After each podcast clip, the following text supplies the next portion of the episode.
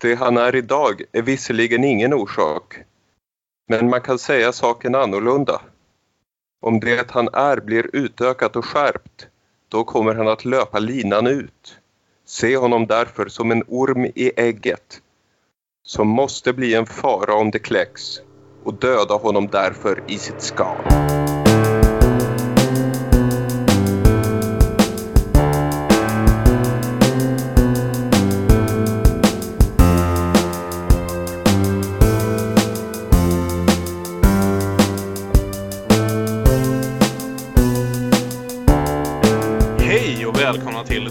Demonpodden. Podden där vi tittar oss hela vägen igenom de allra flesta av Ingmar Bergmans filmer under året 2019 och en bit in på 2020. Jag heter Kalle Färm och jag har med mig som alltid Björn Waller. Hej. Och Aron Eriksson. Hej hej! Och tillbaka som gäst från vårt avsnitt om nattvardsgästerna så har vi David Silén. Välkommen! Hallå då, tack så mycket. Välkommen åter ska jag säga. Tack. Hoppas allt är bra med dig. För de som inte hörde det avsnittet så får ni gå tillbaka dit om ni vill höra David presentera sig själv och hans förhållande till Ingmar lite mer ingående. Men vi är väldigt glada att ha dig tillbaka. Ja, kul att vara tillbaka. Vi är här ikväll för att tala om Ormens ägg från 1977. Ingmar Bergmans tredje engelskspråkiga film. Om man då räknar versioner av Sånt händer inte här och Beröringen. Men innan vi ska börja diskutera Ormens ägg så har Aron som vanligt sett lite mer än vi andra och dessutom den här veckan så hängde Björn med på en av de grejerna. Så vad är det du har sett av dem? Ja, först har vi De fördömda kvinnornas dans från 1976. Det är en kortis gjord för tv. Och det är en koreografi, det är inte en ballett förtydligar de. En koreografi gjord med eh, Donja Foyer som han arbetade med på Trollflöjten. Och eh, Helene Friberg, lilltjejen från Trollflöjten och Ansikte mot ansikte har en av rollerna. Det finns också med en döden-figur, vilket ju alltid är intressant att notera. Och det är en lite eh, spännande upplägg på det hela. Först får vi en kort presentation av en kvinna som jag har glömt namnet på. Och sen får vi se den här dansen. Sen en förklaring vad som var handlingen. Och sen får vi se dansen igen och se om vi ser den på annat sätt nu när vi vet vad den handlar om. Och vad den handlar om är kvinnoförtryck. Det är det som är det fördömda som de här kvinnorna dansar om. Hur kvinnor är förtryckta och sen förtrycker varandra generation för generation. Det är hur det förklaras. Ja, det var ju spännande. Tråkigt nog gjorde den inte mycket för mig, denna lilla dans. Det var ett lite spännande upplägg. Några snygga bilder från Sven Nykvist förstås, i svartvitt, men mycket mer var det inte. Så vi går vidare till nästa sak. Paradistorg från 1977. Och Den har du också sett Björn. Ja, precis. Det är ju nästan helt och hållet en Ingmar Bergman-film förutom att Ingmar Bergman inte har någonting med den att göra. Han producerade den och tydligen ganska aktivt också. Men utöver det så eh, har han inte varit inblandad i sådär väldigt mycket. Eh, det är ju alltså Gunnel Lindbloms eh, regidebut. Åtminstone i långfilmsformatet. Hon hade väl regisserat lite teater innan tror jag. Eh, det är manus av Ulla Isaksson, också en gammal Bergman-medarbetare. Du har en rolllista som är full med Bergman-skådisar. Huvudrollen görs av Birgitta Wahlberg som är min som mamman från Jungfrukällan. Och sen så har du från hela Bergmans karriär. Du har Siv Rud, du har Inga Landgren, du har Holger Löwenadler och du har till och med Göran Stangertz. Som ju kom med precis i senaste filmen i Bergman-listan. Och eh, ja, det en, jag, jag tyckte det var en ganska trevlig film. Inget stort mästerverk men ja. Nej, jag var väl... Den gjorde inte jättemycket för mig den här heller. Det, det var inte dålig men puttrade Mm. på lite ljumt. Ja, nej, men Det jag, handlar jag, tänk, om en familj som samlas ute på det här paradistorget. Det är ett hus ute på landet. Så där samlas de generationer och är dystra. ja, det är väl där man märker att det inte är en Ingmar Bergman-film för den handlar nästan helt och hållet med vad gör vi med nästa generation? Vad gör vi med våra barn? Och det är ju inte ett tema som Ingmar Bergman någonsin skulle bry sig om egentligen. Ja, det var förstås vad den här De fördömda kvinnornas dans handlade om. Men ja, Ja. Det var en dans. Jo, precis. Och nej, men som sagt, jag, jag är nog lite mer positiv till den än vad du är. Det är man känner igen det liksom. Det är människor som grälar och knullar och super och skäller, skäller på varandra och går in i långa, långa monologer om allting som är fel med både deras egna existentialistiska problem och med världen. Men jag tycker framförallt att det här liksom duon Birgitta Wahlberg och Siv Rud är riktigt bra. Som, Ja, de, de hade en del riktigt bra scener. Det- som gamla vänner som har liksom hamnat på olika ställen i livet och ska försöka fira sommar ihop med en massa släktingar i huset också. Det ingen, liksom, ingen film som jag tycker man skulle sätta upp på listan över de bästa svenska filmerna någonsin. Men det var kul att se den. Och inte minst så tycker jag det var nästan lite positivt att se liksom när Siv Rud har den här långa, långa monologen om hur vi förstör barnen och alltihopa. Och jo, ja men de vi snackar om, det, ja, det är vår generation. Eller min generation i alla fall. Och jag menar vi säger samma saker om våra barn idag. Så det, ja. Vär, världen går ungefär likadant. Ja, Ja, men med det sagt om de två, vad ska vi säga, sidospåren. Så kanske vi ska ta oss an kvällens huvudsakliga ämne. Ormens ägg från 1977. Och innan vi börjar prata om den så ska jag läsa ett kort synopsis ur Regi Bergman för de som antingen inte har sett filmen men lyssnar på det här ändå eller som behöver påminna sig lite om vad det var den handlade om. Filmen utspelar sig i Weimarrepubliken under några stormiga dagar i november 1923 då Hitler gjorde ett misslyckat försök att ta den politiska makten. Manuela och Abel Rosenberg är två före detta cirkusartister som försöker överleva i Berlin. Abel hittar sin brors döda kropp och blir tillsammans med Manuela tagen av polisen som anklagar Abel för flera mord.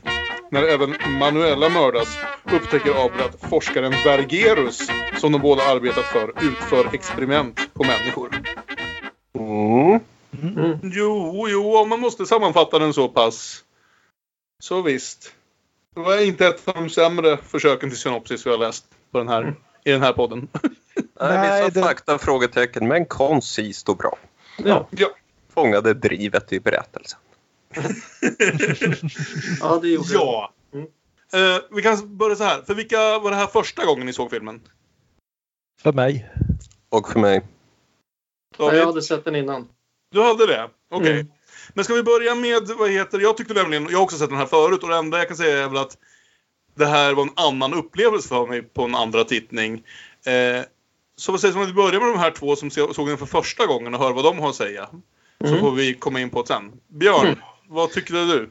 Ja, alltså jag blev nästan lite positivt överraskad. Då ska jag säga att det är ju man har ju hört så mycket skit om den här filmen. Bergman själv förkastade den ju fullständigt. Eh, efter ett tag, till en början var han väldigt entusiastisk över den men sen så jag vet inte om han såg om den eller vad han gjorde. Eller att han läste någon dålig recension men så började han tycka väldigt illa om den.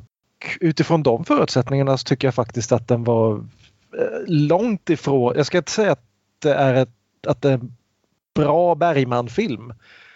Det, man märker knappt överhuvudtaget att det är en Bergman-film. Men jag tycker liksom som 70-tals konspirationsthriller så tycker jag att den har sina poänger. Den är felkastad utav helvete och den har ett tempo som är löjligt. Men eh, ja, den, den är inte utan poänger tycker jag. Mm. Nej, jag gillade det här rätt mycket. Vilket ju var väldigt oväntat med allt man hört om den. Oväntat både att den skulle vara bättre än vad jag hade hört och rent oväntat att det är ju väldigt icke-Bergmanskt. Det här thriller, skräck, sci-fi genren som man är inne och nosar på. Och David Carradine spekulerar lite på kommentarspåret i att Bergman ville visa att han kunde göra annat. Bergman hade pratat om en John Ford-film, där får man explosioner och ladida och allt är häftigt och ballt. En Bergman-film är eh, inne i ett rum och där sitter en kvinna och gråter i två timmar. Och ja, åtminstone i efterhand så tyckte han ju att han i ansikte mot ansikte hamnat lite i klichéernas rike.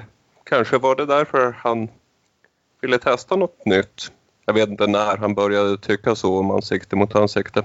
Men ja, något nytt är det ju definitivt. Mm. Och ja, jag tyckte det var spännande. Bergman kallade ju till och med uttryckligen för en science fiction-film i eh, den här lilla eh, filmkrönikan-intervjun som är med på DVDn. Ja. Så det är ju kul att nu har han gjort en skräckfilm och en science fiction-film. Och nu var han klar med det liksom. Mm. Jag brukar tydligen kalla den en skräckfilm också den här. Så, Mm. Ja, det, det kan jag väl nästan hålla med om eh, till viss grad. Ja, men jag kan väl säga så här att jag har ju länge och vid några tillfällen i den här podden även talat om det här i något negativa ordalag. Och jag måste väl säga att innan vi startade årets projekt så hade jag nog utan tvekan omnämnt det här som, som inte, den, den minst bra av de Bergman-filmer jag hade sett. För allt jag mindes var i stort sett att jag var lite uttråkad, att allt var lite mörkt och förvirrat och så mindes jag vissa ganska starka scener mitt i allt det här. Men det kände, jag hade liksom inga starka intryck kvar av den för, egent- förutom egentligen två scener som jag kommer komma in på lite senare. Så jag mindes inte det här med något särskilt pos- positivt synsätt och jag var lite så här tves- tveksam till att gå tillbaka till det.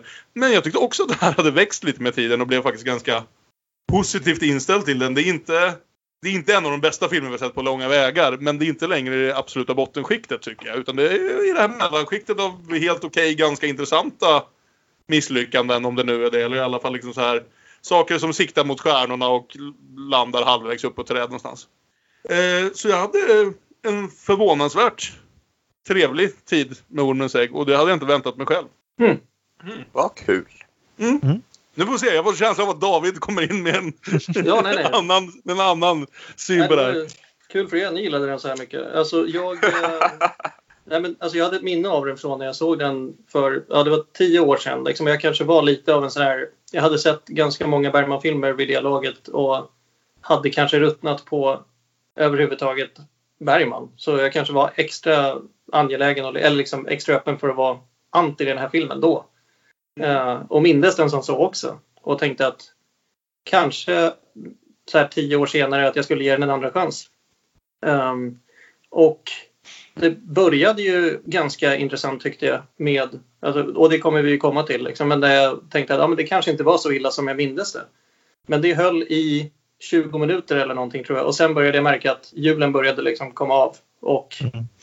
sen satt jag och bara du vet, tänkte att vad är det som händer här? Liksom. Ehm, och vi tar det ju även för sent sen exakt vad, men, men eh, jag tycker nog ännu värre om det nu än då, för tio år sedan. Ehm, jag håller med om att den siktar mot stjärnorna, men jag tycker nog att den inte landar alls uppe i trädtopparna heller. Eller ens på stammen, liksom. På träd. Ehm, Den Men det- ligger någonstans under rötterna och... Ja, ja, under rötterna vet jag inte. För det finns, ju en massa, alltså det, det finns en del grejer här som är värda och absolut som jag uppskattar. Men jag tror det, det liksom görs ännu värre av mina ansträngningar för att överhuvudtaget försöka se den här filmen också. Där den inte erbjuds på någon streaming-sajt någonstans märkte jag. Allt jag träffade på var Ormens väg på Hälleberget av Bo Widerberg tror jag det är. Varje gång jag trodde jag hade fått en träff och så insåg jag att jaha, det var Ormens väg på Hälleberget. Och så tills det gick till den grad jag började leta på bibliotek och kolla liksom, om man skulle köpa den här Bergman-boxen eller vad det var. Tills jag fick möte med Björn och träffa honom på Stockholms central och få den liksom, nästan som en dealer liksom, under armen. Att nu får och sen, så det gjorde ju att liksom, och sen nu när jag sett den så skulle väl jag i alla fall säga att jag förstår varför den kanske inte är den som, som eh, erbjuds allra mest liksom, och, och promotas direkt. Så jag har just nu ett ganska ja, taggigt förhållande till den här filmen. Kan man snorta ormägg? Ja. Okej, vad spännande. Låter vi har en intressant diskussion framför oss med det här. Ja. Mm. Jag kan ju bli omvänd. Liksom. Men, Ja, eh, så vi tar väl och startar filmen helt enkelt. Så vi kan förklara vad David inte förstod med filmen. Jag är helt öppen för det. Ja. Och vi startar med en... Vad heter det? Jag kommer ihåg någon gång här, det var väl i beröringen som vi diskuterade det här. Att Bergman försöker på, sig på en faktisk, vad ska jag säga, opening credit sequence. Och här nu igen är det ju faktiskt någonting som görs med lite mer stil än bara liksom texter på en svart skärm. Ja. Ja. För det börjar över svartvita bilder, tysta svartvita bilder ska sägas, av ledsna människor i Tyskland. Mm. Oerhört ledsna människor. Ett nedslaget folk. Oh, ja. Mm. Och som helt plötsligt avbryts när de liksom förtexterna kommer in i omgångar. Lite glad jazzmusik som förmodligen passar perioden, får jag gissa mig till, börjar Ja. spelas. Så han börjar direkt med en otrolig kontrast just mellan det här, vad ska vi säga, kabarélivet som Tyskland under den här perioden är berömt för, framförallt liksom i film och så vidare. Och som då får ställas i kontrast på alla sätt och vis med den mörka tystnad som folket faktiskt lever i. Mm, det är Och sen- ganska effektivt det där. Ja, Gå mellan trumpetjassandet och de här bilderna. Ja, jag var inne direkt. jag kunde tycka att... ehm, jag visste inte riktigt vad jag skulle känna det. Jag tyckte det kanske blev lite... Jag förstod att den var ute efter alltså, flykten från den hemska vardagen liksom, och att det kunde vara fest och så. Men jag undrade om det inte var lite väl... Jag ska inte börja ranten redan nu ska jag säga, men det var bara jag tänkte om det kanske var lite väl liksom, ehm, vad heter det, på on the nose liksom. Ja, Det var inte jättesubtilt, det kan ingen påstå. Det var ordet jag letade efter, tack. Nej, nej, alltså överhuvudtaget, subtil, det här är väl inte någon av Bergmans subtilaste filmer i vad han försöker säga eller på vilka Det sätt han använder säger det. Men, men det är nästan det som, som är lite kul för det är också ett tecken på att det här är något nytt för Ingmar. Bara att använda den här introsekvensen liksom och att som, som vi redan har sagt flera gånger, det är inte riktigt en vanlig Bergman-film, bara på engelska. Ja, men ändå liksom eh, introsekvenser har han ju väl ändå gjort ändå förr liksom. Jag menar Persona för fan. Jo. Det är ju liksom, han är ju inte främmande för den här idén. Men men, vi kommer igenom denna introsekvens. Mm. Mm. Och vi får en voice-over. Ja, Ja. David Förklar- Carradine, vår huvudperson, berättar att The scene is Berlin, the evening of Saturday, November 3rd, 1923. A pack of cigarettes costs four billion marks, and most everyone has lost faith in both the future and the present. Vi kan ju nämna det här direkt att skälet till att Ingmar valde David Carradine det var i princip att han hade frågat Dustin Hoffman, han hade frågat ett par till. Ingen av dem ville. Och då var det någon som föreslog David Carradine. Och Bergman kände till hans far som var stor skådespelare och han tyckte han såg ut som Anders Ek. Och det stämmer ju rätt bra. Mm. Och hans skådespelarstil är ju inte heller helt olik Anders Eks. Nej. Sen får vi komma ihåg att det finns väl ett skäl till att Ingmar Bergman som ändå har jobbat med Anders Ek i 20 år bara gett honom totalt en enda huvudroll och det var ju en av hans minst lyckade filmer. Ja. Eh, och också att filmen han såg honom i var väl den här Woody Guthrie-biografin, vill jag säga. Just ja. Den, den han dessutom gillade hur bra han kunde sjunga, någonting som han ju inte skulle använda sig av ett enda jävla dugg sen i Ormens ägg. Men visst. Men Nej, och hans mästerliga kung fu går också väldigt outnyttjad. Ja, precis. Precis. De två saker som David Carradine sen blev mest känd för, sång och kung fu. Och strypsex, men... Eh, Oj. Mm. oh well. det, det kan vi klippa ut. Det är bara för de som ihåg hur han dog. men i är alla i och för sig fall kanske det som han använder sig mest av just den här filmen.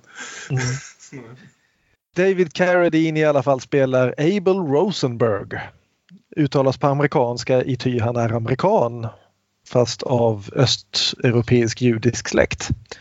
Det är ju den andra, åtminstone den andra Rosenberg vi har i en Bergman-film, senast i Skammen. Va?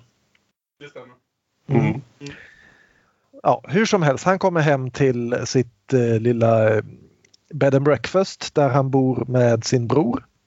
Och när han kommer upp på rummet så har hans bror skjutit sig. Ja. Det är ett starkt startskott höll jag på att säga för Mm. filmen ändå. Eh, Med just den här liksom bilden där, där han öppnar dörren och vi direkt möts av det här våldet. Ändå liksom en bild tagen ganska långt ifrån men det är ingen Ja. tveksamhet om vad som har hänt. Nej, det var riktigt effektivt. ja. Det är en väldigt snygg scen. Och det är en väldigt snygg film överlag det här. Mm. För Abel han kommer in där i mörka korridorer går han och han tittar in i ett ljust rum där det är festligheter. Och han går upp för trappan till, dit där han och brorsan bor. Och det är ljust inne i rummet där brorsan har skjutit sig men eh, Abel blir kvar ute i den mörka korridoren och man, man anar honom där i skuggorna. Mm. Men, och ser honom ibland lite i silhuett och så. Men ja, det var snyggt. Effektivt. Mm. Jag hakade upp mig på den här brickan med mat som han hade fått på vägen upp till rummet. Att Mm. Det var, eh, jag var rädd att han skulle tappa den och att det skulle bli en stor grej men han spelar, att det är väldigt... Han bara ställer den ner lugnt och sen går han fram och tillbaka. Bergman kunde ju använt det här självmordet som liksom en kick-off för lite slapstick där. Mm. Direkt. Ja. Mm. Ja, men det är ju väldigt klassiskt när någon får en chock, säg att Mm. hitta sin bror död, att tappa brickan. Mhm. Inte i Mm. ormens ägg. Jag satt också och väntade på det men nej. Mm. Ja, men, eh, det, det- är ju nästan, säger ju oss nästan något direkt om karaktären då också. Jag Mm. säga. Så det är faktiskt en ganska snygg Mm. detalj. Mm. Sen så vet jag inte, just den här bilden tycker jag är snygg. Men jag vet inte om jag kan hålla med Aron om att jag tycker det är en jättesnygg film som i helhet. Jag tycker den blir lite brunmörkig ärligt talat. Att eh, Sven Nykvist inte riktigt fixar att använda sina berömda kontraster för att få Alltså det är en typisk 70-tals, eh, amerikansk 70-talsfilm. De gillade sitt, sina brunsvarta nyanser liksom. I, särskilt i den här typen av filmer. Och det ser inte dåligt ut men det ser inte heller så här extremt minnesvärt ut som när jag tänker på, på det bästa de har gjort ihop liksom. Vi kan ju nämna det apropå att filmen ser snygg ut att Bergman fick ju en rejäl kappsäck full med pengar av Dino De Laurentiis för att göra den här. Och eh, han använde en stor del av de pengarna till att bygga upp eh, Bergmannstraße i Berlin så som den hade sett ut på 20-talet. Utifrån en blyertsteckning han hittade någonstans tror jag. Mm. Ja, Och, en eh, gammal tidning. Mm. Och att det just Bergmannstraße var väl ett tecken från ovan också. Så man ser ju ibland väldigt tydligt att alltihopa är gjort på en soundstage men det finns ju uppenbara skäl till det i Berlin. Det finns liksom ingen gamla stan i Berlin som man kan filma i längre. Jag tänkte, det var några av de där exteriörerna som jag tänkte på att, hur, att det måste ha gått in rätt mycket arbete i det och Mm. återskapa. Jag tycker de, eh, de skapar en värld Mm. på ett bra sätt. Ja. Men nästa scen så finner vi oss naturligtvis på polisstationen. Och vem är det som spelar poliskommissarie här? Say hello to Mr Goldfinger. Gert Fröbe, mest känd för pöbeln som Goldfinger, för oss finkännare som den preussiska officeren i dessa fantastiska män i sina flygande maskiner. Links! Links!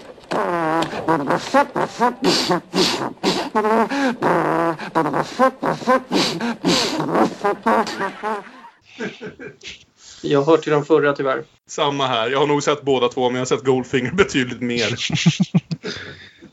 Jag, jag gillar Gert Fröbes karaktär här. Alltså, han är...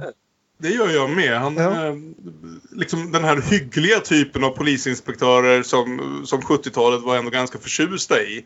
Där man till en början kan a- kanske tro att han ska visa sig vara Kafkaesk eh, fascist som kommer hålla honom med i det här helvetet. Men, men som visar sig vara en ganska duglig karl. Mm. Mm. Så Vi, han får får... lite bakgrunds, vi får lite bakgrundsinformation om Abel. Han och Max och Manuela har varit i Berlin i två månader med sin cirkusgrupp. Men Max hade skadat vristen var det va? Så det var den cirkuskarriären. Så Abel ägnar sig nu åt att supa. Det är så otroligt konstigt att vi sitter här och pratar om en Max i en Bergman-film och inte rätt Max. Blir Ja, det är sur. jättekonstigt.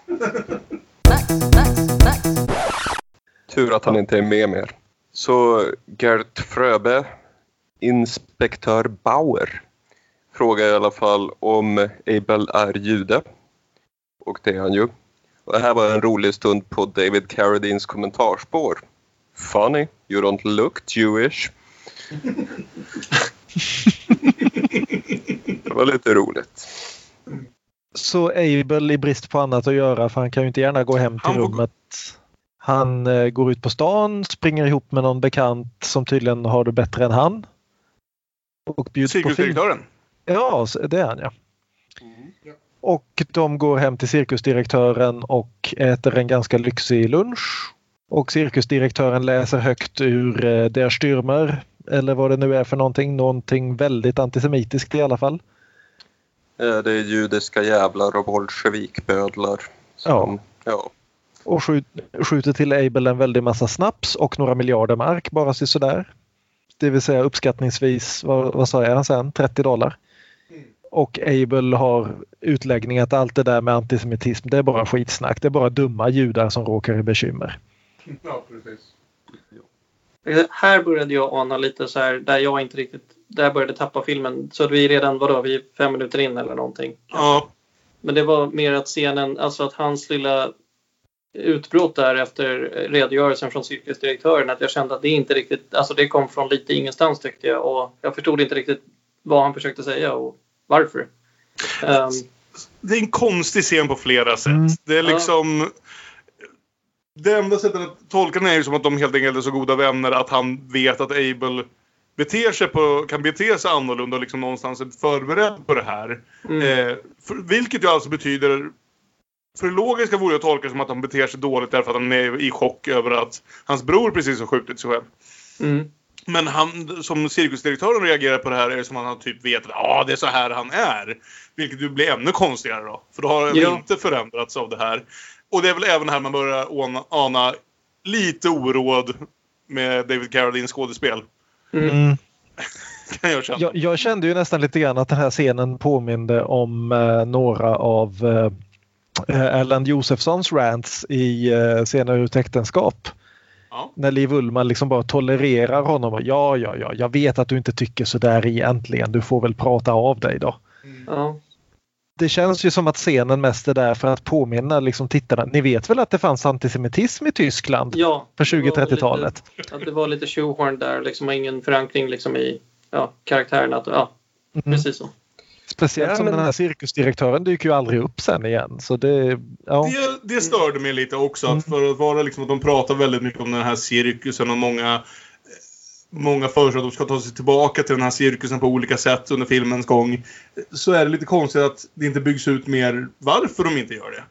Mm. Ärligt talat. Mm. De kommer återkomma till det och hela den här cirkusen, det känns som att det måste finnas något mer där men som antingen blivit bortklippt eller som en sån här sak som Bergman tyckte var subtilt att vi skulle få lista ut själva.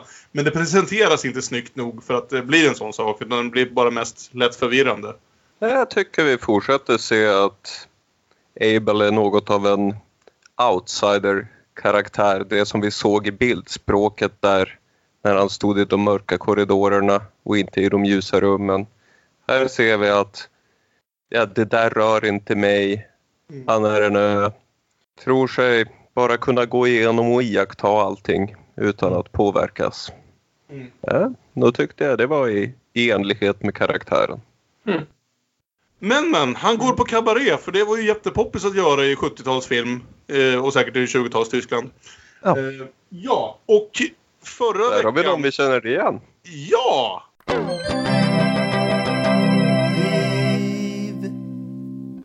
så Och inte många andra för hela kabarén är i princip tom. Precis. Och vi sa ju förra veckan i vårt avsnitt om ansikte mot ansikte så ställde vi väl, kanske inte direkt men mer eller mindre frågan Finns det någonting Liv Ullmann inte kan göra? Svaret är Liv Ullmann kan inte sjunga. Schon als Babydoll hab Wie ich erfahren, dass die Vögel meist im Scharen alle Männer auf der Jagd nach Frauen mit langen blonden Haaren waren. Wie an Don Juan kom mancher blöde Jan und stolz als Fockelhandan machte Kikriki und dödete mich an. Nej, Jag men hon, hon gjorde okej. Men, ja. men hon kan inte sjunga på fullt duglig, duglig tyska i alla fall. Om också med en väldigt tydlig norsk brytning. Ja, det var fascinerande det med eh, kabaréartist i Berlin 1923 som heter Emanuela och har en tydlig skandinavisk eh, accent. Ja.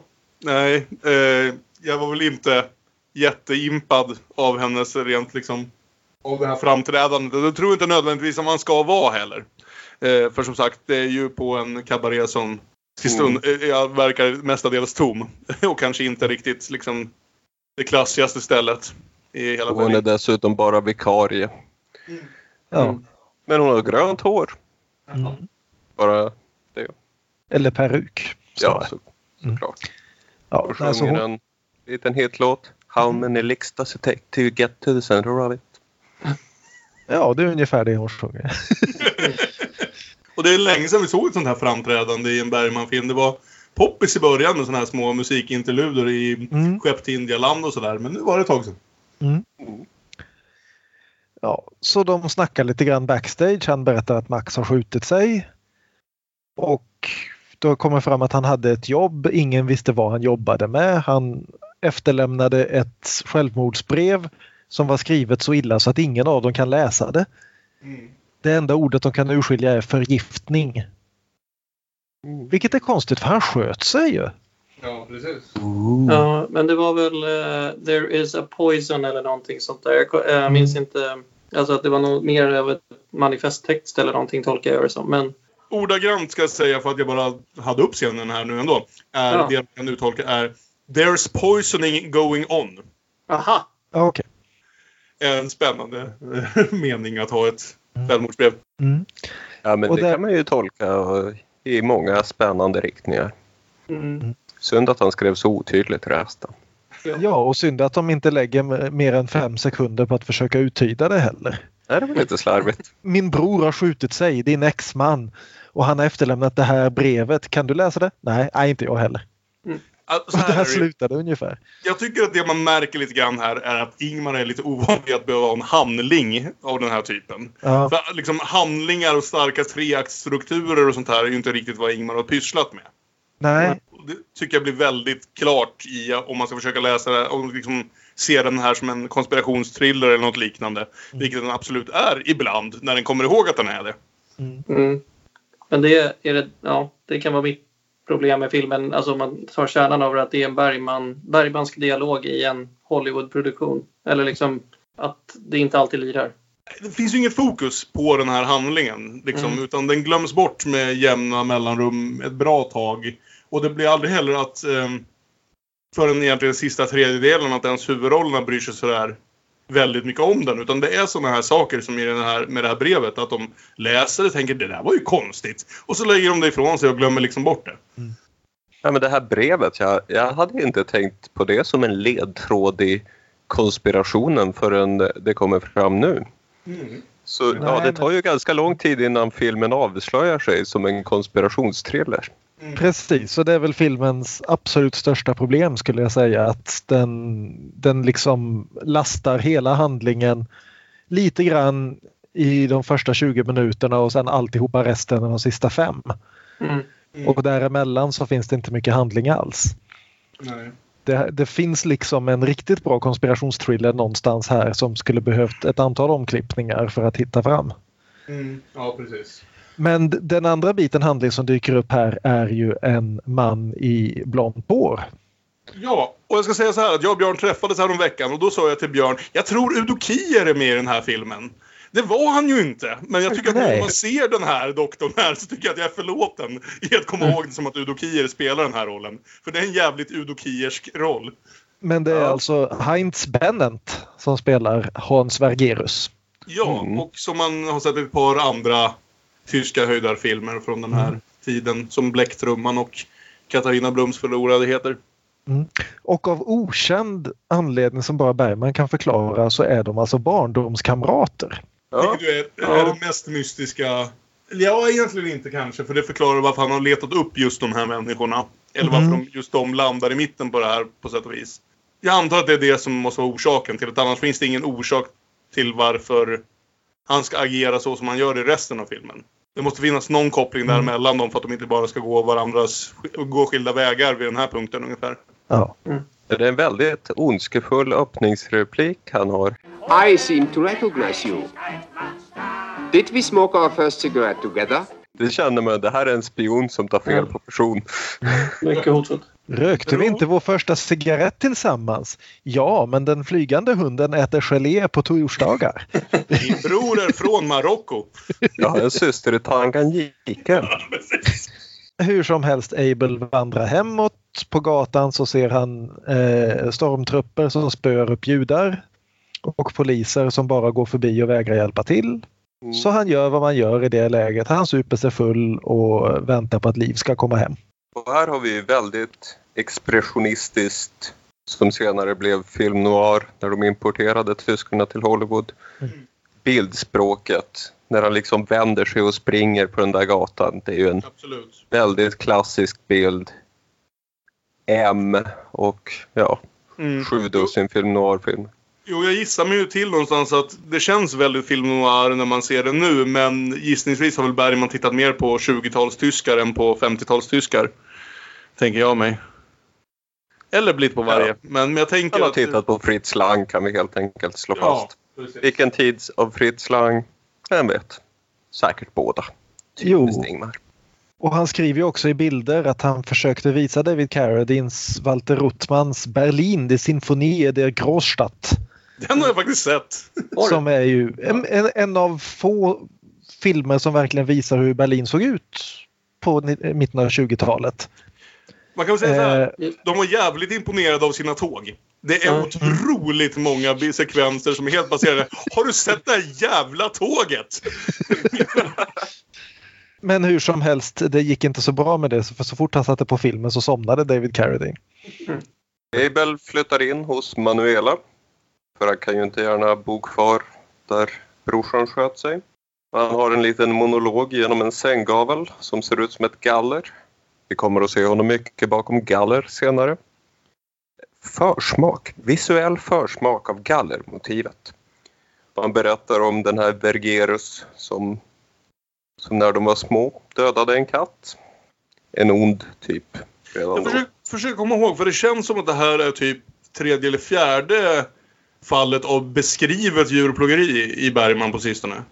Så det här måste ju vara någonting han verkligen... Det var en bortklippt scen i Ansikte mot ansikte där eh, Allan Josefsson berättar om någonting som Kari Sylvan gjorde när hon var liten, eller hur det var. Kommer du ihåg det, Aron? I den här scenen i bilen, där vi, enda scenen där vi Ja, egentligen... jag minns scenen. Ja, Mm. jo, det var någonting om... Hon hade också plå, plågat djur, ja, precis.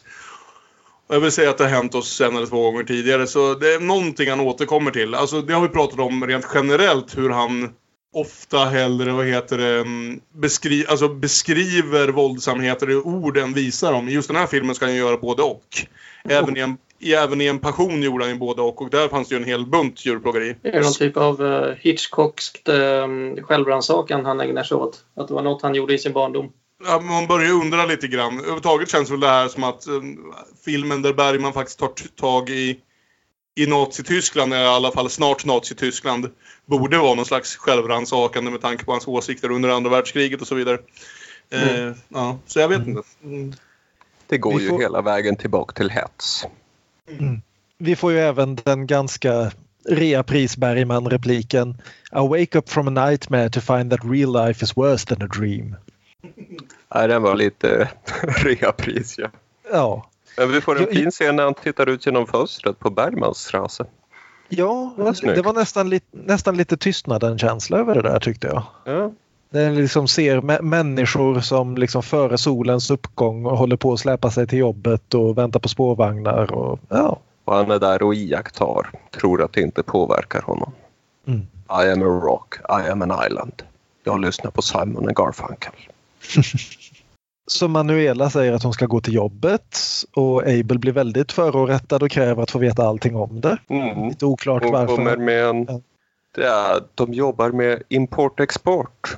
Det, Det känns har ju vi ju sett mest... i Seinfeld att det är aldrig sant. Uh, we're meeting a friend of ours for lunch. Works here in the building. Yeah, Art Vandelay. Which company? I don't know. Uh, he's an importer. Import. And exporter. He's an importer exporter.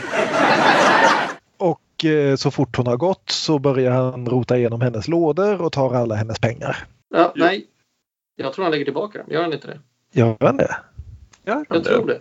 Jag tror Låt han- mig se. Jag har Ja, bra. här framför mig. Bra Kalle. Nej men han tar ut allihopa och jag vill minnas att snarare så är det att, eh, vad heter det, Ehm, hon som äger stället då, som de hyr av, ser att han har Ja. hittat pengar. Och att när de är, ja, när vi kommer till det senare, men att det är någon annan som har tagit pengarna. Ja, det förklarar varför den konstiga scenen med henne kommer sen. Hon har tagit deras pengar såklart. Ah, just det. Ja, David har rätt. Mm. Han lägger tillbaka den. Ja. Okej, ja, då så. Bra förklarat det där Silén. Du förstår den här filmen på ett sätt som vi inte gör. Mm. Ja, Mm. little bit of Bergman's planning there for you. Ja. Han träffar den här äldre damen i alla fall. Ja, han träffar hyresvärden som hon vet vem han är eftersom Manuela har berättat om honom. Mm. Och hon bjuder honom på sprit och varnar honom att Manuela är illa ute och så begär hon att han betalar hyran i dollar. Mm. Därför att återigen, de tyska pengarna är inte ens värda pappret de är tryckta på. Nej. För det här är ju för de som inte har koll på det så var det 1923 i Tyskland så rådde hyperinflation. Så till den milda grad att när det var som värst så fick man eh, arbetare fick lön två gånger om dagen så att de kunde springa ut på lunchrasten och köpa någonting. För hade de fått lön i slutet av dagen så hade den redan varit värdelös. Och sen så får han åka ner till eh, polisstationen igen. Och vi ska träffa Gert Fröbe en gång till. Eller Gert Frobe som han heter i den amerikanska trailern. Jag är förvånad att de inte bara kallar honom Goldfinger vid det här laget. Mm. Starring David Carradine and Goldfinger. För han ska identifiera först ett lik som visar sig vara Max fästmö och sen så fortsätter han släpa runt stackars Abel från lik till lik till lik. Här är en som har dött, den här blev förgiftad, den här hängde sig, den här blev skjuten, den här blev uppäten av ett lejon. etc, etc. Och alla var människor som hade någonting med Max att göra. Det här är en ganska effektiv sån här thrillerscen måste jag ju ändå Mm. säga. Också en sån här scen där fick det väldigt klart att det här rent visuellt i alla fall är Bergmans blodigaste film hittills med god marginal. Mm. Märkte det därför att jag hade en sovande treåring bredvid mig under stora delar av den här filmen och bara såhär, vakna inte nu. Vakna inte den här scenen och var traumatiserad i resten av ditt liv. Ja. Så han frågar ju Abel om han har ett alibi och hans alibi är att han är full varenda dag. Så han vet inte.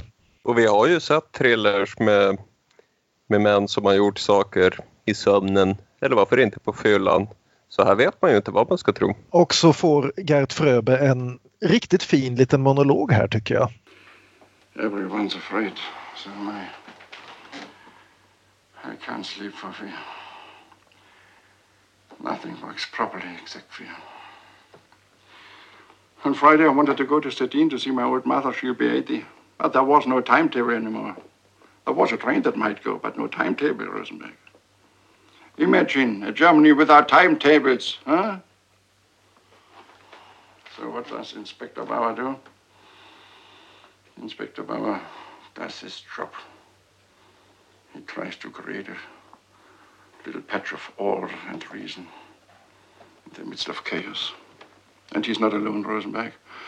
All over Germany, millions and millions of petty officials, just as terrified, are doing exactly the same. Jag tycker nästan det här är det starkaste filmen har att erbjuda. Just den här bilden av ett land som står precis på randen till kollaps. Men eftersom det är ett civiliserat västeuropeiskt land där alla har disciplin så fortsätter alla gå till jobbet fast de vet att allting håller på att kollapsa. Mm. Och han har den här jättefina repliken som är att han skulle åka och hälsa på sin mamma och så kommer han till tågstationen och ingen kan tala om när tågen går. Därför att plötsligt så har tidtabellerna slutat existera. Vilket är något fullkomligt obegripligt för en tysk. Ja, det, är där, det kan ju vara skräckinjagande begrepp det där, eller tanke. Ett Tyskland utan tidtabeller. Ja. Eller överhuvudtaget att självklara delar av samhället plötsligt slutar fungera. Ja. Alltså det är ju det film, alltså det är det titeln han spelar på liksom att allting händer inför ögonen på en men Mm. han inte vet vad man ska göra annars liksom. Alltså det kan man ju sympatisera lite med i nutida också. Ja. Men eh, att eh, det tycker jag också var det här um, kände jag tyckte det var en bra en av styrkorna med filmen. Ja. Och han berättar också om det här med liksom att han är en av tusentals ämbetsmän som försöker hålla ihop landet bara genom att dra på sig byxorna, gå till jobbet, göra sitt jobb och gå hem och äta middag igen. Mm. Vilket ju blir extra kusligt när man betänker vad samma tjänstemän gjorde 20 år senare. Och efter all, efter all den här fina monologen så får eh, Abel ett utspel. I know why you're doing this. It's because I'm a Jew. Försöker spöa upp några poliser och flyr från polisstationen rakt in i häktet. Vad är Ja, det här här? är det närmsta vi kommer Kung Fu. Han gör några snygga hopp här under sin Ja. flygfärd. Ja, alltså det var ju bra det för att, alltså, att de säger att de är cirkusartister hela tiden. Liksom, det blir ju bara, de hade ju kunnat säga att de var arkivarier eller någonting för den där scenen egentligen. Mm. Eh, så att han, man såg att han hade lite skills. Liksom. Ehm, Ja. Men vad, Ja. handla, vad handlar det här om då? Vad är hans utbrott här? För det är ju inte riktigt i linje med hur han agerar i resten av, av filmen ändå. Vad är det, det var det jag tänkte också. Hans, hans när han sitter och tar sig för ansiktet och skriker där. Det var en grej jag reagerade på. Den kommer jag ihåg så väl från, från tio år sedan när jag såg den. Att jag tyckte den kom... Återigen, det är ju lite det här där jag tycker att om den här karaktären nu är så här så tycker jag bara att han är det vid väldigt valda tillfällen i filmen och, och att det inte riktigt meshar med, med andra bitar av honom. Ja, eller, om, eller så snarare problemet att han inte är så jävla full just nu. Att han har ett extremt behov vid tillfället av att bli full. Vilket ju kan vara jobbigt. Och eh, sam, samtidigt som man kanske vet med sig själv att han ljög där i scenen med cirkusdirektören om det här att Judas har sig själv att skylla att så länge som han håller sig on the straight and narrow så är det lugnt liksom. Eh, att han känner att det här att det är något mått av förtryck i det här som börjar nå även honom. Mm. Hur osårbar han tror sig vara. Ska jag vara förlåtande så är det väl, då kan man läsa det så förstås. Ja. Mm. Nej, men jag håller med. Det är inte en helt konsekvent personlighet han har alltså. Mm. Nej, men det här att han springer och springer och det är galler överallt. Bara symboliskt tycker jag Ja. ändå att det gör något. Ja, men den jaktscenen efter utbrottet tycker jag absolut är, alltså den är, den är snygg tycker jag. Ja, det, det är väldigt film noiriskt det här vid Mm. det här laget. Det är liksom, eller ja, om man vill, tysk ex- expressionism. Sen gillar jag också karaktärsgrejen att när han väl faktiskt försöker göra någonting så springer han bara längre och längre och längre in i fängelset. Ja. Det är en sån grej, liksom han är lite klantig. Runt, runt, runt i mitt fängelse. Ja, så han vaknar i en cell och får veta att han har besök och det är förstås Emanuela. Hon ser väldigt sjuk ut. Mm. Och märkbart börjat se sjuk ut och det är ju någonting som hon inte kommer sluta vara i stort sett under den här filmen. Så det får väl också räknas som någon form av ledtråd efter alla de döda kropparna, det där brevet om poisoning och så vidare. Ja, Mm. ja det är här Ja, hon ja, ja. berättar att he- hennes pengar har blivit eh, stulna och Ja, Abel förnekar det. Och det, det gör han tydligen rätt i. Jag, jag har en fråga dock. När han tidigare reser sig och går ur cellen så är det ritat en massa läskiga vampyrer, typ. Någonting. Ja, Lite i stil med de här som, som uh, vår vän Jörgen Lindström ritade i Tystnaden. Ska vi ta det som att han har suttit där och ritat dem? Eller ska, är de bara där? Jag antog att det var det, men jag la inte någon större vikt vid dem heller. Det var ju, det var ju vad heter det, eh, nonchalant av mig. Ja, jag spenderade inte heller så mycket icke-nonchalans på dem. Har du en tanke om dem, Kalle? Nej, jag vet inte. Jag tyckte bara att det var spännande. Äh, jag, jag tycker de ser så fräscht gjorda ut, vilket de såklart är för att det här är en filmproduktion. Men för mig säger det också att det är något som han faktiskt har suttit och gjort där, vilket... Nej, Jag vet inte, det tycker jag i sådana fall tillför ytterligare något lite till karaktären och vem han är och hur han väljer att liksom sysselsätta sig i det här laget när han inte kan supa. Vilket ju är en av de få tillfällen i filmen när han inte kan det. En annan rolig historia David Carradine berättade på kommentarsspåret var att den här filmen fick honom att börja röka igen. Han hade slutat röka nio år tidigare. Men Bergman hade insisterat du måste röka i filmen för annars kommer det inte att se ut som 20-tal. Och eh, Carradine gick med på det till slut efter lite nej jag vill inte. Och han var, tyckte det gick bra. Han rökte ju bara under själva tagningarna. Men vad han inte tänkte på, det blev ju ändå typ ett paket per dag. För de, han rökte ju i varje scen. Så sen när han kom tillbaka till Los Angeles, gick på någon fest, ja, då tog han ju en cigg av någon och sen så var han fast igen. Aj, aj, aj. Så det var Bergmans stora arv för David Carradine. Men det var inte det som skulle döda honom. Nej. nej. Nej. Vi kan ju nämna förresten också apropå David Carradine och casting, vi nämnde inte det förut, men Elliot Gould hävdar ju bestämt att Bergman hade försökt få tag på honom för rollen men in, av någon anledning så gick inte det. Det så? Därför att, därför att ingen älskar Ingmar Bergman mer än Elliot Gould. Åh herregud, den där jävla man-crushen är så gullig även om nu börjar den verka lite obsessiv. Ja. Ja, om bara Ingmar hade kunnat nå mig. Han blir i alla fall släppt från häktet eh, även om poliserna behåller hans pengar mot kvitto. Vi får en lite småkul kabaréscen här. Ja, ett dragnummer. Ja. En bröllopsnatt och eh, mannen spelas av en kvinna och kvinnan av en man. Och Amor spelas av en dvärg. Jättekul. Och när de sen kommer hem så kastar hyrestanten ut dem. Hon betalar tillbaka Ja. dollarna han har betalat henne fast växlat till mark. Växlat till en hel jävla plastkasse med mark. Ja, här tyckte jag förut hyresvärdinnan var underlig men nu har jag ju fått det förklarat för mig. Hon är en tjuv. Mm. Innan, innan det här, vi, bara en kort sak som märktes är att vi märker att denna Hans Regerus dyker återigen upp vid kabarén och uppenbarligen känner Manuela ganska väl vid det här laget. Ja. Vilket inte gör, gör, vad heter han nu, Abel särskilt glad. Nej, och morgonen efter innan de ska lämna den här lägenheten för sista gången då så passar han ju på att fråga ut henne. Har du legat med Vergerus? Ja, det är klart jag har, säger hon.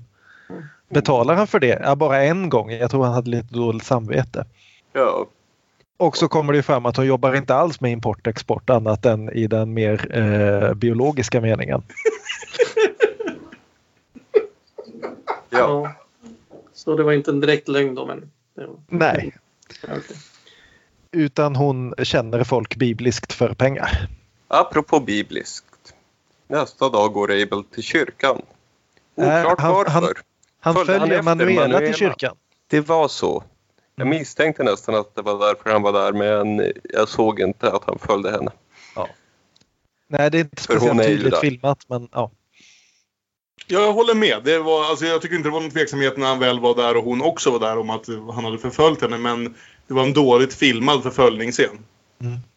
Äh, man kunde ju lista ut det men eh, jag tänkte bäst att fråga mina vänner. De har koll på sånt här. Men hon söker i alla fall upp den amerikanska prästen där. Spelad Som- av James Whitmore som jag tänker att framförallt Aron med sin 50-talsfascination känner igen från två filmer. Asfaltsdjungeln. Dels Asfaltsdjungeln och dels han också den manliga huvudrollen i en favorit B-skräckis, jag tror för i alla fall mig, Björn och Aron, nämligen Them. Den Jajamän. Ja, härliga, just det. gigantiska myror-filmen. Ja, och folk som inte har tittat fullt så mycket på 50-talsfilm känner igen honom som bibliotekarien i Nyckeln till frihet. Precis. Aha. Okej. Bibliotekarievänner. Var det här David hade någonting att berätta? Ja, alltså, ja, nu när vi är i kyrkan och sådär. Eh, jag har något att säga om scenen också, men jag skulle vilja bekänna någonting själv. Att jag for med en eh, osanning sist jag var med i programmet. Eh, där jag påstod att jag hade gått en kurs som hette Bergman for beginners. Det insåg jag sen, det var inte sant. Den hette Bergman i backspegeln eller Ingmar Bergman Revisited. Ah. Eh, Okej. jag har alltså ägnat mig åt att, ja, jag har via etern spridit fake information. Liksom. Du har levt i en lögn och nu Ja. har du tvättats ren av Jesu blod. Ja, Mm, det känns, eh, det känns bra. Eh, Dina synder är sonade. Ja, det var under den kursen för övrigt som, eh, och det minns jag väldigt väl, att i kursmaterialet stod det att eh, den här filmen kanske var värd en omvärdering nu, alla de här åren senare. Jag kunde inte hålla med om det. Eh, Men en annan grej med den här scenen var att jag tyckte att den, det kändes som att nu, det var ju passande att det var nu när jag var med, för det kändes ju som nattvardsgästerna all over again med den här scenen. Att det var man slängde in den kvickt som en liten eh, mini-callback mitt i den här konspirationsdrillen. Mm. Som jag också undrade lite över varför den var med. Liksom. Mm. Men det kanske någon av er har tänkt på. Jag, jag tänker att det är Manuellas enda chans eller scen i den här filmen då hon definierar sig utifrån för sig själv utan att behöva göra det i samtal med Abel som hon uppenbarligen ha- har ett konstigt förhållande till där hon hela tiden försöker ta hand om honom och känner liksom eh, sympati och lite, vad ska man säga, ömklighet gentemot honom oavsett hur jävla illa han beter sig. Mm. Och att det här vi faktiskt får lite reda på hur hon egentligen känner och tycker om alla de här sakerna. Så jag tyckte inte det var en helt oduglig scen att ha här utan den klargjorde, den gav, dels gav den liv något att göra i den här filmen lite mer än att bara vara ledsen och förlåta honom och vara ledsen och förlåta honom och eh, ja, dels så om man Alltså det är en sån film som hade kunnat klipp, en scen som hade kunnat klippas för tid men den förklarar i alla fall lite mer vem fan hon är i allt det här. Ja. Eh, ja. Men jag vet Jag, inte. eh, Har det sagts någonting att hon jobbar med någon kyrkoorganisation? Har det inte sagts något sånt? Det var väl hennes andra lögn eller någonting sånt där i, alltså hon ändrade sig väldigt fort från import till Mm. export till att det var Mm. någonting med kyrkan. Att hon Hon har kanske tre. har tre jobb. Jo, nej, nej men det är ju sant för vi kommer ju till det i nästa scen här. Vi kan bara säga om den här bikten först att det är lite fint hur först ska prästen ge henne förlåtelse och det slutar med att han ber henne om förlåtelse. Mm. En ganska bra prästscen. Ja, Jag får ge den det att det var ju fint som sånt, liksom som en scen. Nåväl. Ja, nu får vi ju den här scenen med den här eh, kyrkliga organisationen. Nämligen att han följer efter henne till Sankta Anna-kliniken. Som ju då utifrån namnet är en katolsk klinik. Och eh, hon berättar för honom att Vergerus har både hittat ett rum åt dem här och hittat ett jobb åt honom på arkivet hos Sankta Anna. Och han är först sur, han vill inte ha allmosor men han ändrar sig ganska snart när det börjar regna. Ja.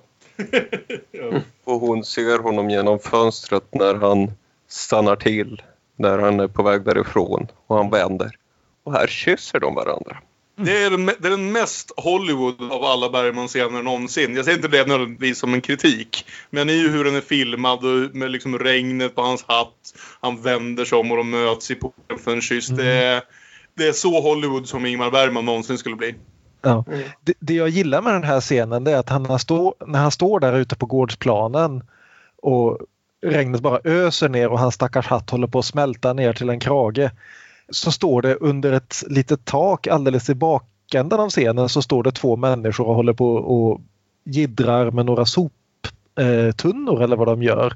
Och liksom bara står där och glatt samspråkar under taket när det ösregnar. Och jag, jag gillar den lilla detaljen där. Att de har ingenting med scenen överhuvudtaget att göra. De bara står där och pratar lite grann. Ja, det är gott om sådana där små utfyllnader av världen. Det får Mm. man faktiskt ge dem. Och det är väl den absurda budgeten som man faktiskt fick jobba med för en gångs skull. Ja, nej men om vi tänker på att de senaste fem sex Bergman-filmerna har haft sammanlagt, tror jag, åtta namngivna personer i sig. det känns så ibland i alla fall. Så är det ju liksom just det här folkmyllret i den här är ju, ja, det är en trevlig omväxling. Mm. Mm. Ytterligare ett kabarénummer. Och den här gången lär vi, får vi träffa chefen för kabarén som kommer in med ett par absurda eh, löständer eller låtsaständer eller vad det nu ska vara. Och i en sekund tänkte jag, fan Peter Sellers cameoar. Ja, det var vad Carradine sa på kommentarspåret också. Ja, This ser. guy. You could see Peter Sellers playing this part. Då, så, då känner jag mig väldigt bekräftad i den åsikt, eller i den tanken. Ni har lite lika hobbys du och Carradine. Ett par av dem. Men det är alltså Walter Schmidinger tror jag som spelar honom. Mm. Och han får bara en här ganska fin om en lite överspelad scen. Inte minst bara på grund av liksom, looken de har gett honom här. Innan allting slutar ja, på typiskt tyskt 20-talssätt med att om det nu är stormtroopers eller poliserna eller vem... vem Nej, det, är ju, det är ju nazister helt enkelt. Eh, Eller någon form av ultrahöger i alla fall. Som sagt 1923 så är ju nazistpartiet inte ensamma om det här om man säger. Men det är någon form av fascister som stolpar in, börjar spöa upp folk, eh, håller ett tal som svensk polis inte skulle vilja kalla hets mot folkgrupp och eh, misshandlar stackars Peter Sellers lookaliken och futtar eld på hela stället. Jo, det är en ganska... Det där eh, detaljen med de säger ta av dig glasögonen om de inte ska gå sönder innan de dunkar hans huvud i bordet gång på gång. De är inte snälla alls. Nej. Det är nästan som man skulle kunna tro att nazister rent generellt är dåliga människor. Så nu blir det inte någon mer kabaré. Utan att. Abel och Manuela är hemma igen. Och Abel håller på att drivas till vansinne av ljudet av en motor. Mm. Som, Medan Manuela har han- feber. Och grejen är att har feber är typ det lyckligaste Manuela någonsin ser ut i den här filmen. Det är typ hennes enda glada scen av väldigt, väldigt förståeliga anledningar. Men hon faktiskt ler i den här scenen. Hon till och med pratar lite om hur, hur trevligt det är att ha feber. Att få drömma sig in i något annat. Det är en mer subtil variant av det här som han sa förut. Att när han vaknar upp i en mardröm så är det ännu värre. Att här, här gillar hon tanken på att få liksom, drömma sig bort bokstavligen talat Mm. Ett tag. Så att eh, i Tyskland 1923 så kom influensan som en, bef- en befrielse. pratar om att folk har tappat tron på framtiden. Det är ju lite grann en nyckelreplik. Bergman säger, ju, säger ju exakt samma replik i den här eh, intervjun som är med på DVDn också. Precis. Att när människor tappar framtiden eller tappar hoppet om framtiden så kan precis vad som helst hända. Ja. Nästa dag så går Abel till sitt nya jobb i Sankta Anna-klinikens arkiv som tydligen är 357 år gammalt får vi veta av do doktorerna Silberman och Solterman. Knoll och tott. DuPont och DuPont. Eh, Enormt arkiv är det. ja, Med eh, ja, korridorer där man kan gå runt, runt i flera veckor. Och vi ska också säga så här att de här gubbarna, eftersom de presenteras så pass kortfattat och i alltså ofta ganska rörliga bilder och sådär. Och de är dessutom så pass snarlika att de på grund av allt det här bildspråket blir lite svåra att skilja isär. Och det spelar faktiskt in i senare scener där det är viktigt för oss att ha lärt oss att en är snäll och en är dum. Så jag Ja. blev lite lätt förvirrad. precis. Så antingen Silberman eller Solterman är den gode och antingen Solterman eller Silberman är den onde. Eh, väldigt oklart vilken. Ja, alltså med tanke på namnen så kan man i alla fall se vem som kommer, vem som inte kommer vara kvar på jobbet särskilt länge i den här tidens Tyskland. Vi får en bra replik här i alla fall där Dr. Silberman eller Solterman säger att All the files are full of inconceivable human suffering and of science's victories and defeats. Ja.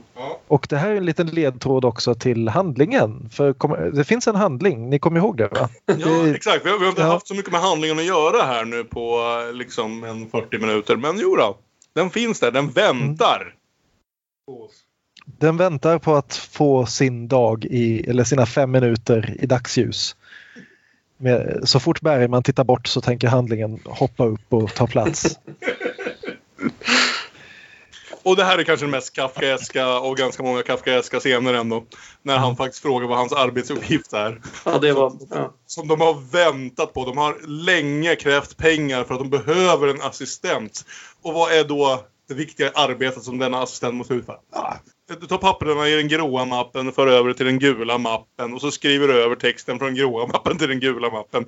Och så gör du det gissningsvis 10 miljoner gånger. Drömjobb. Och dessutom, han sitter då längst in i en labyrint och måste vänta på att de kommer och hämtar honom för att han ska få någon lunch. För han hittar inte ut på egen hand så stor är, stort är arkivet.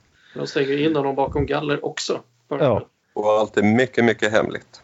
Kan inte betonas nog. Hemligt. Så, så där sitter han begraven under eh, vetenskapens alla vinster och förluster. Himmel med both man. Och nu börjar filmen liksom helt... Det är här jag tycker filmen verkligen faller sönder. För nu Ja. får vi ett gäng scener efter varandra som visserligen bidrar till både stämningen och eh, till handlingen men de verkar inte liksom hänga ihop direkt. Ja, men det, det här jag tror jag anade i början av filmen där, jag tyckte att här går det i, i vad heter det, verkligen eh, spårar ur. Eh, just i den bemärkelsen att de inte alls håller ihop. Och vi kommer ju till en specifikt ögonblick som jag tycker är uppenbart. Eh, Eh, Manu- Det första är väl att eh, han på lunchen går och hälsar på Manuela som har fått Ja. ett jobb i köket. Mm. Och hon ser som vanligt jättesjuk ut. ja. Det där är en tvättstuga vill jag bara säga, men det spelar ingen roll.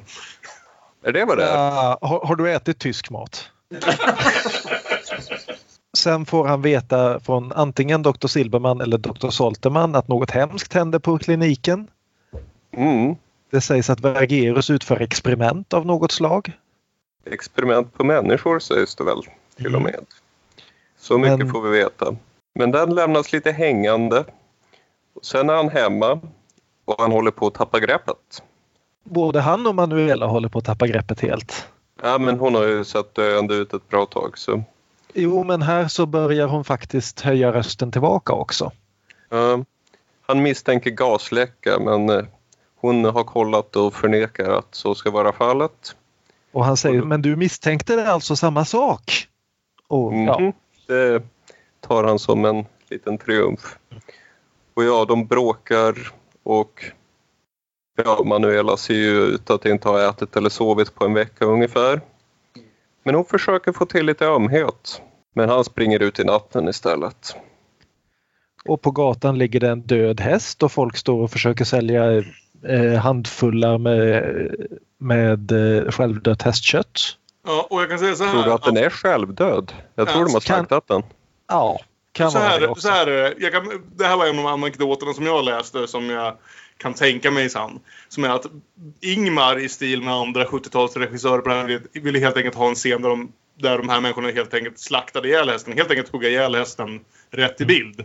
Där står, sa David Carradine stopp och nej, vi kommer inte hugga ihjäl en häst i bild i min film. Eh, ungefär. Så de kom överens om kompromissen. Döda hästen men gör det inte på kamera. och slipper visar. Så Som vegan så tycker jag ännu sämre om filmen nu. och Bergman försvarade sig typ med att jag har hängt hundar, jag har satt hästar på eld så kolla en person, min själ är förlorad. Jag är en gammal hora, förklarade Ingmar. Abel går på jazzklubb i vad som ser ut att vara eh, baren från The Shining.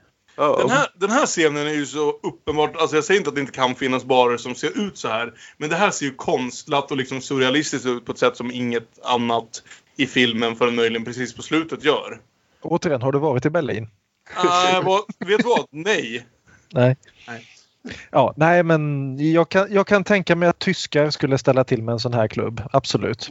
Men det ser verkligen ut som, eh, som sagt, nej inte baren utan eh, badrummet bakom baren i The Shining inknött i en järnvägsvagn. Det är ja, den långsmalaste klubb, klubb jag någonsin har sett. Mm. Mm. Det var en bra beskrivning. Mm. Och rött är det. Ja. Som själen. Och ute på gatorna så ser han trupptransporter och sen så hittar han en butik som ägs av en A. Rosenberg. Det namnet tål han bara inte. Nej, så han tar upp en sten och slår sönder fönstret. Som man gör. Varpå ja, Pavel Rosenberg kanske... rusar ut och börjar spöa upp honom. Jag förstår vad han är ute efter här, men det här kanske är den dummaste scenen. Ja, jag, jag vet inte. Ja. Om... Kanske. Ja, okej, okay, för nästa scen är galnare men den är åtminstone intressant galen. Precis, det här är bara så typiskt dumt. Jag kan inte se mitt eget namn så jag ställer till en massa. Och sen hur han beter sig när det här gamla paret kommer ut och ska attackera honom. Och det går inte att få... Den här filmens stora problem känner jag är väl... Okej, okay, två stora problem. Dels att försöka få grepp om den här handlingen och liksom någonstans komma ihåg att den finns där. Och dels att Caroline och Bergman verkar ha väldigt olika idéer om vad de gör med den här karaktären eller vem han är. Det är precis det jag känner också. Mm. Jag tyckte ändå Caroline var lite... Han gör en del tveksamma line readings och sånt där men han var som ändå intressant att titta på. Ja. Han har någonting. Han har ju ett filmstjärneansikte, han har ju yes. en uttrycksskala. Eh, så jag, jag, tror han, han kan vara väldigt väl, en bra skådis, ansiktsuttryck och att fota och sådär. Och, Hans största det, problem är väl replikerna. Det är lite så, men det påminner om en äh, historia om äh, Iron Curtain, den här, heter den så? Torn Curtain, heter den. Mm. Alfred Hitchcock-filmen, när han skulle regissera Paul Newman. Och Paul Newman var ju metodskådespelare och det gillade inte Hitchcock. Och då blir det en krock liksom. Och jag bara kände att det präglar lite känslan här känner jag att Carradine tänker att det kanske är så här Bergman vill att jag ska göra och Bergman är lite så här, det kanske är så där han ska göra. Mm. Och sen blir det inte jättebra. Även om båda är bra på det de gör. Åtskilt liksom. Mm. Men så just, det har vi inte nämnt, men just apropå eh, dialogen och så vidare. Bergman har uppenbarligen fått hjälp med engelskan den här gången i alla fall. Ja. Om du jämför med beröringen så är det ju faktiskt fullt, liksom, om än ibland lite styltig, men det hör till i Bergman. Men det är ju inte sån här pinsamt usel dialog som det var i beröringen det, det, jag, som jag, det jag har läst mig till är väl att han helt enkelt skrev hela manuset på svenska och sen lät en faktiskt proffs översätta ja. det. Ja, så vet jag förstod så sig. tänkte han till och med göra den i Sverige innan han blev eh, ja. landsflykting. Sen i alla fall efter den här akten av internaliserad eh, antisemitism så springer han ihop med en hora som försöker få med honom. Han säger Go to hell. Hon svarar det mest klichémässiga man kan tänka sig.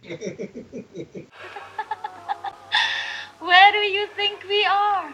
Och han hamnar i ett rum med den här horan, en svart amerikan och en transkvinna eh, svarta amerikaner ska vi säga spelas av Glyn Turman som eh, folk kanske känner igen som eh, borgmästaren i de tidiga, tidiga säsongerna av The Wire.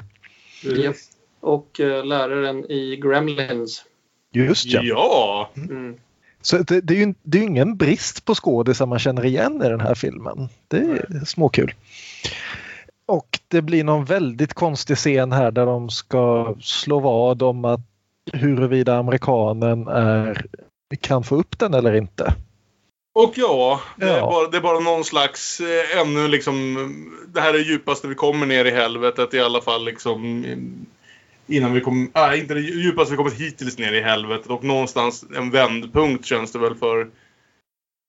Fable. Han kommer få en ytterligare en vändpunkt i nästa scen. Men eh, som att... eh, Det är klart att han är på fel väg här och eh, behöver ta tag i handlingen i den här filmen.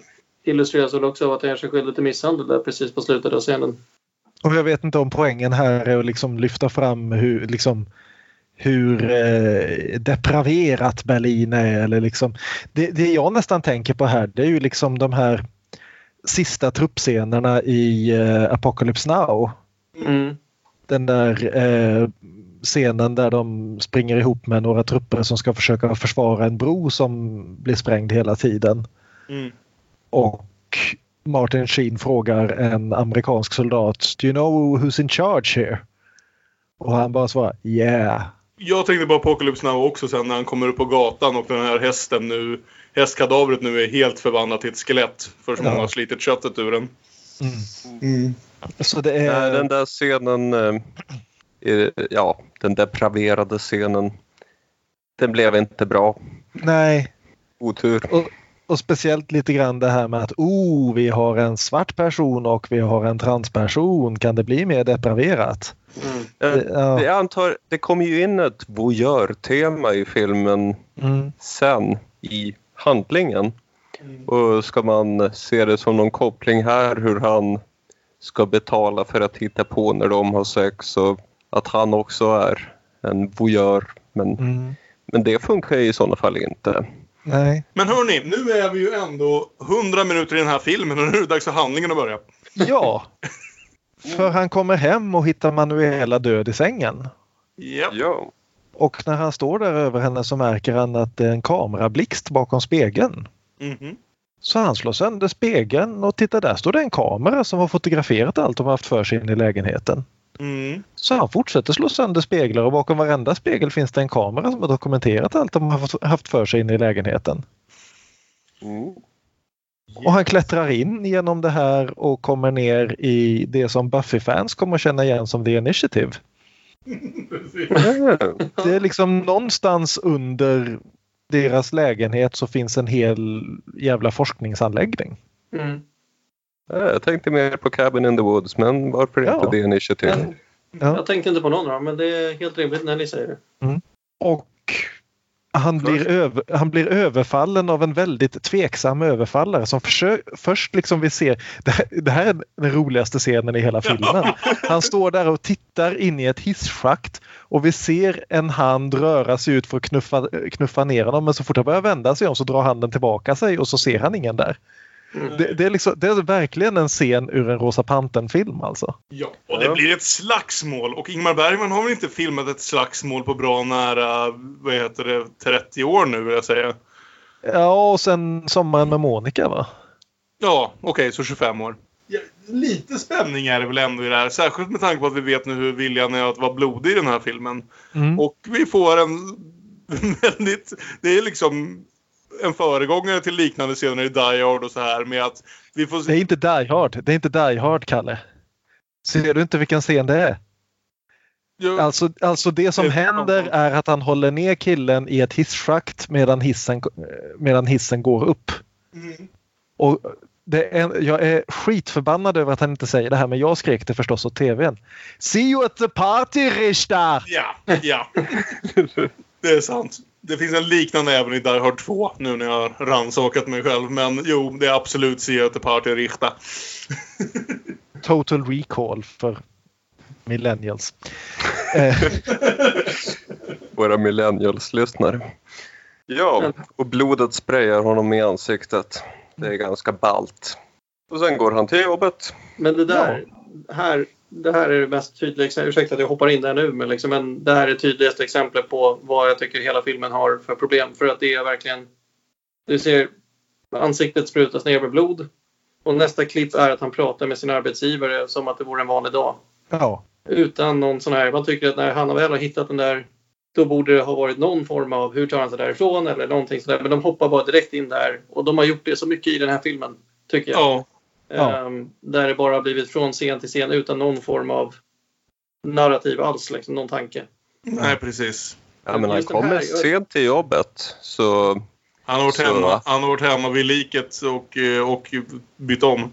Ja, jo. Ja. Jag, tycker tänkte att heller- om man har ja. slagit sönder alla de där rutorna och någon har bevakat honom och det är en hel organisation bakom det så borde han inte bara gå till jobbet och låtsas som att ja, det... Nej. Nej, jag, jag håller med. Det är mycket som är konstigt. Vi får även se den goda... Att han, den han är med nu är i alla fall den dumme av... av Silverman och det? Solterman. Ja, precis. Samtidigt som vi ser den andra av dem eh, komma in i hans lägenhet eller något av någon anledning och inse att han vet vad det är som pågår. Mm. Ja. Den onde Silberman eller Solterman, eller möjligen Solterman eller Silberman, visar sig då helt plötsligt vara nazist och håller ett yvande tal om hur fantastiskt det ska bli när herr Hitler tar över. Så Ab- Abel gör det man gör i det läget och han punchar nazi. Mm. Vilket, det är Solterman är rätt säker på. Ja, ja, det låter ju logiskt. Mm. Och sen så ger han sig åter in i den här labyrinten och där hittar han Vergerus. Och nu får vi hela liksom handlingen i en monolog av Vergerus. Och det här är så spännande för jag mindes den här scenen men jag har absolut blandat ihop den med någon annan film. För jag, jag visste att den här, jag har sett den här scenen någon gång. Jag kommer inte ihåg att det var i den här filmen. Det sista jag mindes från den här filmen från första gången var hisschaktet. Eh, och actionscenen där. Jag tror jag kan ha blandat ihop det här med att jag vill säga att Laurence Olivier spelar en liknande nazidoktor i Maratonmannen. Ja, Ja, Ja, det är och kul jag vill säga att jag såg, ja, och jag vill säga att jag såg Maratonmannen kring samma tid. Så frågan är om jag trodde den här scenen var i Maratonmannen. Eh, jag blandade också ihop den här med en annan scen. Eh, jag väntade mig att, eh, Max von Sydow skulle dyka upp och att det skulle vara ett samtal där han la fram slutrepliken. Jag hade helt glömt bort de här experimentbilderna utan bara just slutrepliken att han satt vid bordet och förklarade i stort sett vad hela filmen handlade om. Om att Nazityskland växte fram framför ögonen på alla och så. Och insåg att Max von Sydow är inte med här. Och jag hade blandat ihop det med ett avsnitt av den unge Indiana Jones äventyr från 90, början av 90-talet. Där Arturo var med också. Um, slog det mig precis där i slutet. Det kändes mycket märkligt. Ja. ja. det är lite som när jag hade slutscenen för ansiktet placerade i slutet på Hets i mitt minne. Mm. det Jo. Vergerus har att berätta i alla fall. Han eh, avslöjar ju hela handlingen här nu. Det hade varit trevligt om, hand- om den här handlingen hade fått komma in lite grann bitvis så hade det här bli- kunnat bli en riktigt bra film. Mm. För jag, jag tycker det är så intressant idé det här men det känns som en, en filmpitch. Mm. Det känns som det talet Bergman höll för Dino De Laurentiis när han skulle förklara vad filmen handlade om. Eh, och att Bergman sen glömde faktiskt skriva in det i manus. Och fick liksom ge alltihopa till Heinz Bennant på sista eh, dagen. Men det han berättade, de har i alla fall gjort experiment för att se hur man kan ta ifrån människor deras medmänsklighet. Eller deras mänsklighet till och med kan man väl säga. Han har tvingat kvinnor att umgås med oupphörligen skrikande barn i dagar utan möjlighet att sova. Han har gett män droger som har drivit dem galna och sen låtit dem... There's poisoning going on. Precis. De första tio minuterna. Och det intressanta är att de sen skjuter sig efter att drogens verkan har upphört. Det vill säga det är inte, dro- det är inte under drogruset de skjuter sig utan efteråt när de vaknar upp och måste leva i, med vetskapen om att det är där de är. Precis. Och eh, själv har då Abel och eh, Manuela blivit utsatta för en gas som orsakar väldigt snabba, ja, vad heter det på svenska, mood swings. Ja, precis. Ja, det heter humörsvängningar. Mm. Och frågan jag ställer mig, det här att det finns en gas som kan få två människor instängda i en lägenhet att plötsligt väldigt snabbt byta mellan att älska varandra och att hata varandra och att skrika åt varandra och att gråta hos varandra. Förklara detta senare ur ett äktenskap. Precis. Vi kan ju Yes. också nämna att den här eh, Tanatoxindrogen var vad Max hade tagit. Ja, precis. Och det var därför han sköt sig. Men jag vill också säga att han väl påstår vid något tillfälle här att han inte har utsatt dem för det samtidigt som det måste vara löjligt uppenbart att de har blivit utsatta för det. För, Ja. det, det är jättekonstigt. Att han Man ens, känner ju verkligen igen sig på de här kapptablågasbilderna. ja, Och, eh, och sen så säger då Vergerus att nej, jag gjorde ingenting mot er. Så det är ett frågetecken. men det är bara väldigt konstigt för om man tänker på hur Manuela så långsamt blir sjukare och sjukare ju mer hon umgås med Vergerus. Verkar det ju verkligen som. Och eh, ja, nej. Det, jag köper inte vad den onde nazisten säger fem minuter innan han tar livet av sig. Ja. Apropå att det här är en monolog så David Carradine hade dialog här men den klipptes bort. För att Ja. den var tydligen väldigt grov, politiskt inkorrekt. Ingmar sa dumma saker som ingen tyckte att det kunde publiceras. Så Vergerus förklarar att nu kommer polisen strax innan dess ska begå självmord och de kommer att konfiskera våra arkiv och så kommer de att vara säkra när någon vill ha dem om tio år. Och han förklarar också att i princip titta på klockan. Ja, om ungefär två minuter kommer Hitler att försöka göra statskupp.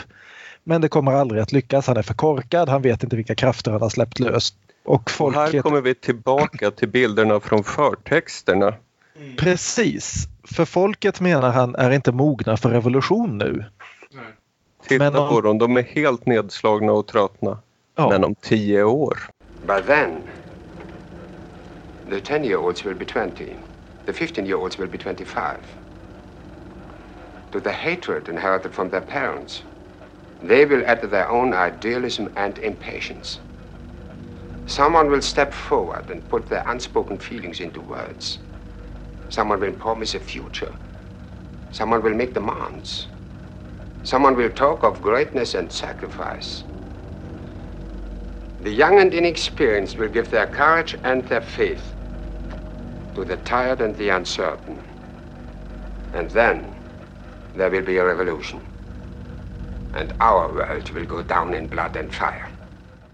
Och det är uppenbart nu men ingen vill se det. Och här kommer då liksom filmens titel att It's like a serpent's egg.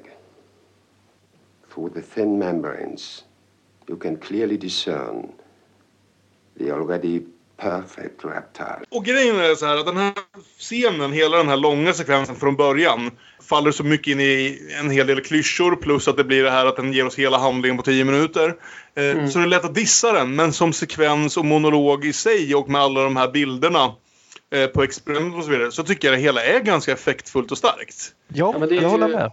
Det är ju problemet med filmen igen. Liksom att enskilda grejer är det. Mm. Absolut, men, men eftersom det, är nog därför jag någonstans inte kunde koppla ihop att den, här, att den här sekvensen var i den här filmen som jag minns som en ganska kass film. För jag tycker nog att den gjorde ett starkare intryck så jag bara, ah, men det var säkert del av den bättre filmen istället. Ja. ja. Nej, men om, om filmen hade byggt upp till det här på ett annat sätt, om vi hade fått fler ledtrådar längs vägen, om vi hade haft en huvudperson som varit intresserad. Jag börjar tänka om det är så här att för att berätta den här historien kanske helt enkelt Abel är helt fel huvudperson. Det kanske Ja. inte alls är hans historia. För, den här, för om man vill berätta, vad ska vi säga, thrillerdelen av den här berättelsen. Om man inte bara ska berätta en, en historia om en utslagen jude i Tyskland 1923. Utan ska berätta den här konspirationsthrillern. Nej, Ja, det var lite vad Ingmar sa också, att han tog två olika manusidéer och förde ihop dem och det skulle han inte ha gjort. Nej. Det var hans egen analys. Tänk om vi hade fått kommissarie Bauer som huvudperson istället. Ja, men gärna. Det hade Eller liksom överhuvudtaget- närmare Fritz Lang. Då hade vi varit ganska nära de här Fritz Langs Dr. Mabuse-filmer och sådana saker. Då hade Ja. kunnat ta, som, jag tror vi säger att den första Dr. Mabuse är 1923. Så Mm. då hade han verkligen kunnat spela på det lite hårdare. Ja. inte Gert Fröbe med i tredje Mabuse? ja. Men så hur som helst, vi hör polisen börja banka på dörren och eh, Vergerus eh, äter sin cyanid. Mm. Och intress- eh, intressant nog observera sig själv i spegeln medan han dör. Det Jo. tycker jag var mest fascinerande faktiskt. Ja, det, det, det är ett jävla bra så här bara, inte möjligen ett verkligt mänskligt quirk, men som superskurk tycker Mm. jag att det var så här, de ska vara liksom vetenskapen och den, den obehagligaste vetenskapen framför allt. Så naturligtvis vill han studera sitt egen, sina egna dödsryck. Och sen vaknar Abel Mm. i finkan. Han har sovit i två dagar. Och det är nu den 11 november. Och och Bauer kommer med ett erbjudande att han ska få åka till cirkusen i Basel. Mm. Så ja, landsförvisning. Ja. Mot att han inte berättar något. Och Så- Basel, Basel shoutout igen. Ja. femte dessa. Basel shoutouts. Mm. Och i en hjärtskärande replik så meddelar Bauer också att Hitler misslyckades. Han underskattade hur stark Tysklands demokrati är. Mm. Och det skulle ju dröja några år till innan, ja ganska exakt tio år faktiskt. Och eh, sen så får vi en voiceover som förklarar att Pucci was killed on his way back to his home. Nej, eh, att Abel smet från polisen på vägen till järnvägsstationen och sågs aldrig till igen. Där, Jag tror, jag tror det är fjärde gången vi får användning för det skämtet Björn, men det är lika passande varje gång. Men det är ju ett slut det där verkligen. Alltså, det, jag fortsätter att vara ganska vad heter det, negativt inställd som ni märker. Men vad- ja, just det. Vi hade ju när han hade gått, när vi filmade honom på gatan. Har vi något att skriva? Bra, då, sa man, då var vi klara. Ja. Och så, ja. Det spännande är att det helt klart spelar in i det här som vi fick i början av filmen men som inte spelar någon roll. Nämligen att han verkligen, verkligen inte ville vara på cirkusen längre. Mm. Det är ju en sån här sidodetalj som aldrig görs någonting av och som man undrar lite av. Men det hade väl varit då i den här andra manusidén om en, om en ledsen judisk akrobat. Eh, hade det säkert spelat in mycket mer om han inte blivit indragen i den här konspirationshistorien. Men i den här versionen var det ungefär så där mycket de fick tid med. Ja. Mm. Ja, och där är ormens ägg kläckt. Och vad heter det? Och ja, jag vet inte. Jag var glad över att jag tycker det här är en ganska... Det, I stunden när jag ser den ändå en ganska liksom... Jag är bara så svag för hela den här 70-talsvågen av konspirationsthrillers och hur de var uppbyggda och deras troper och så. Så det är jättekul att se Ingmar nu här i vårt... Vilken film är det här i ordningen vi ser? Det här är vår 37 film vill jag säga. Att se dem pröva något så totalt annorlunda. Eh, så bara det gör mig lite glad. Och spela den här andra liksom bollparken. Sen så har den ju så uppenbara brister så det kan aldrig bli någon riktig höjdare. Men, men, men det är ett intressant misslyckande. Ja, det var mycket som, eh, som jag tyckte var riktigt bra här. Att hjulen lossnar lite, att det blir lite svårt att förstå hur scenerna hänger ihop. Och inte heller på ett riktigt effektfullt sätt att nu går vi in i galenskapen. Så, Mm. så det är ju ett minus. Mm. Men jag är redo att bortse från det ganska mycket i alla fall. Mm. Jag tyckte det här var bra. Ja, Jag tycker det, det känns som att, vi nämnde ju det här att eh, Bergman slog ihop två manus här och jag tycker det känns väldigt tydligt att det är precis det som har hänt. Jag menar saker jag verkligen gillar med den här filmen går inte ihop. För jag gillar både hela den här handlingen som presenteras i en monolog de sista fem minuterna och hade gärna velat se den filmen. Jag gillar också hela den här bilden av undergångskänslan där folk är för trötta för att ens våga märka att det går åt helvete och liksom bara går till, slår upp rockkragen och går till jobbet varenda dag. Och speciellt när man sätter det i Berlin och vet att vad som kommer att hända. Men också det här att, som Bergman påpekar eh, i den här intervjun att det som verkligen fick honom att skriva det här manuset det var att han hade läst något CIA-experiment på 60-talet. Mhm. Att hela, hela den här idén om att få se vad vi kan få människor att göra med socialt tryck eller med droger eller med tvång eller det är ett väldigt starkt ämne. Och det finns en del väldigt intressanta bitar av det här som jag bara önskar höll ihop bättre. Ifall han hade gjort bara en film om två människor som lever i Berlin nära undergången eller bara gjort en konspirationsthriller om hur staten försöker kontrollera människor. Så då hade vi kunnat haft en riktigt bra film. Som det är nu så blir det liksom ibland både och och ibland varken eller. Mm. Dags för två remakes helt enkelt. Ja.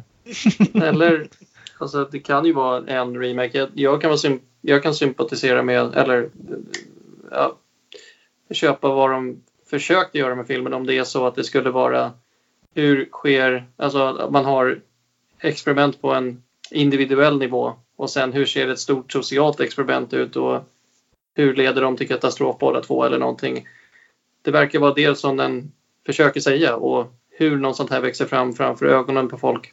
Men det är ungefär det enda jag kan sympatisera med när det gäller filmen. Jag eh, tycker inte att julen lossnar lite.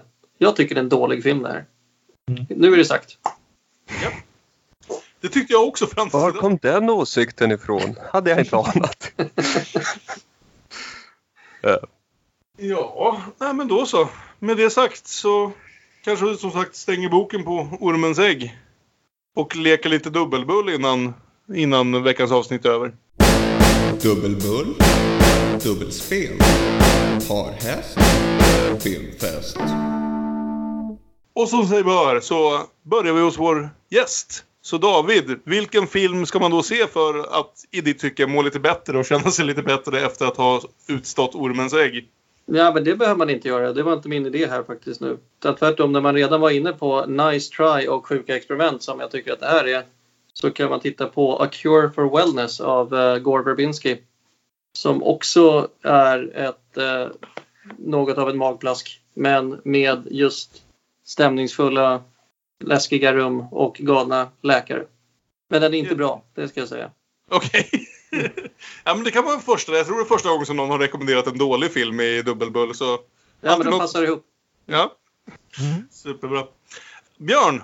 Ja, så säga, Kalle tipsade ju om Mar- Marathon Man där och eh, jag passade fast på att se om den igår också. Jag, jag tycker den jag vill nog säga den ändå alltså, för jag tycker eh, det finns många likheter dem emellan. Dels är vi har galna nazister, vi har en eh, hjälte som kastas in i det mot sin vilja. Vi har eh, sammansvärjningar högt uppe. Vi har scener som bara springer runt på en gata i mörkret. Det, ja. Och framförallt så har den det gemensamt att den är helt löjligt blyg med vad handlingen är. Precis som i Ormens ägg så tar den över en timme innan vi ens börjar ana vad handlingen är. Men skillnaden då att från, från den timmen så blir Maratonmannen en riktigt bra film medan Ormens ägg fortsätter och vingla runt som en ormbiten eh, cirkusartist och ramlar i den ena, ena diket efter den andra. Där en del diken innehåller intressanta saker och en del diken mindre intressanta saker. Och vi diskuterade också det här med method acting alldeles nyss och eh, eh, Maratonmannen har ju den här klassiska eh, backstage-repliken då när Dustin Hoffman dyker upp till slutuppgörelsen och berättar att han inte har sovit på tre dygn för att se precis så utschasad ut som han tycker att han borde vara. Och eh, så Lawrence Olivier tittar på honom och frågar Have you tried acting my boy? It's much easier. Den blir aldrig gammal den där tycker jag. Den är, ja. Den är så bra. Ja, den är läge för omtitt. Det får nog faktiskt bli min faktiska dubbelbull, känner jag nu. Den blev jag sugen på igen. Aron! Ja, jag tänkte ta en Cronenberg. Jag vet att jag tänkte, faktiskt, jag, tänkte, jag tänkte faktiskt lite på Naked Lunch under den här, men kom på att Aron har redan tagit den. Så han kommer inte ta den.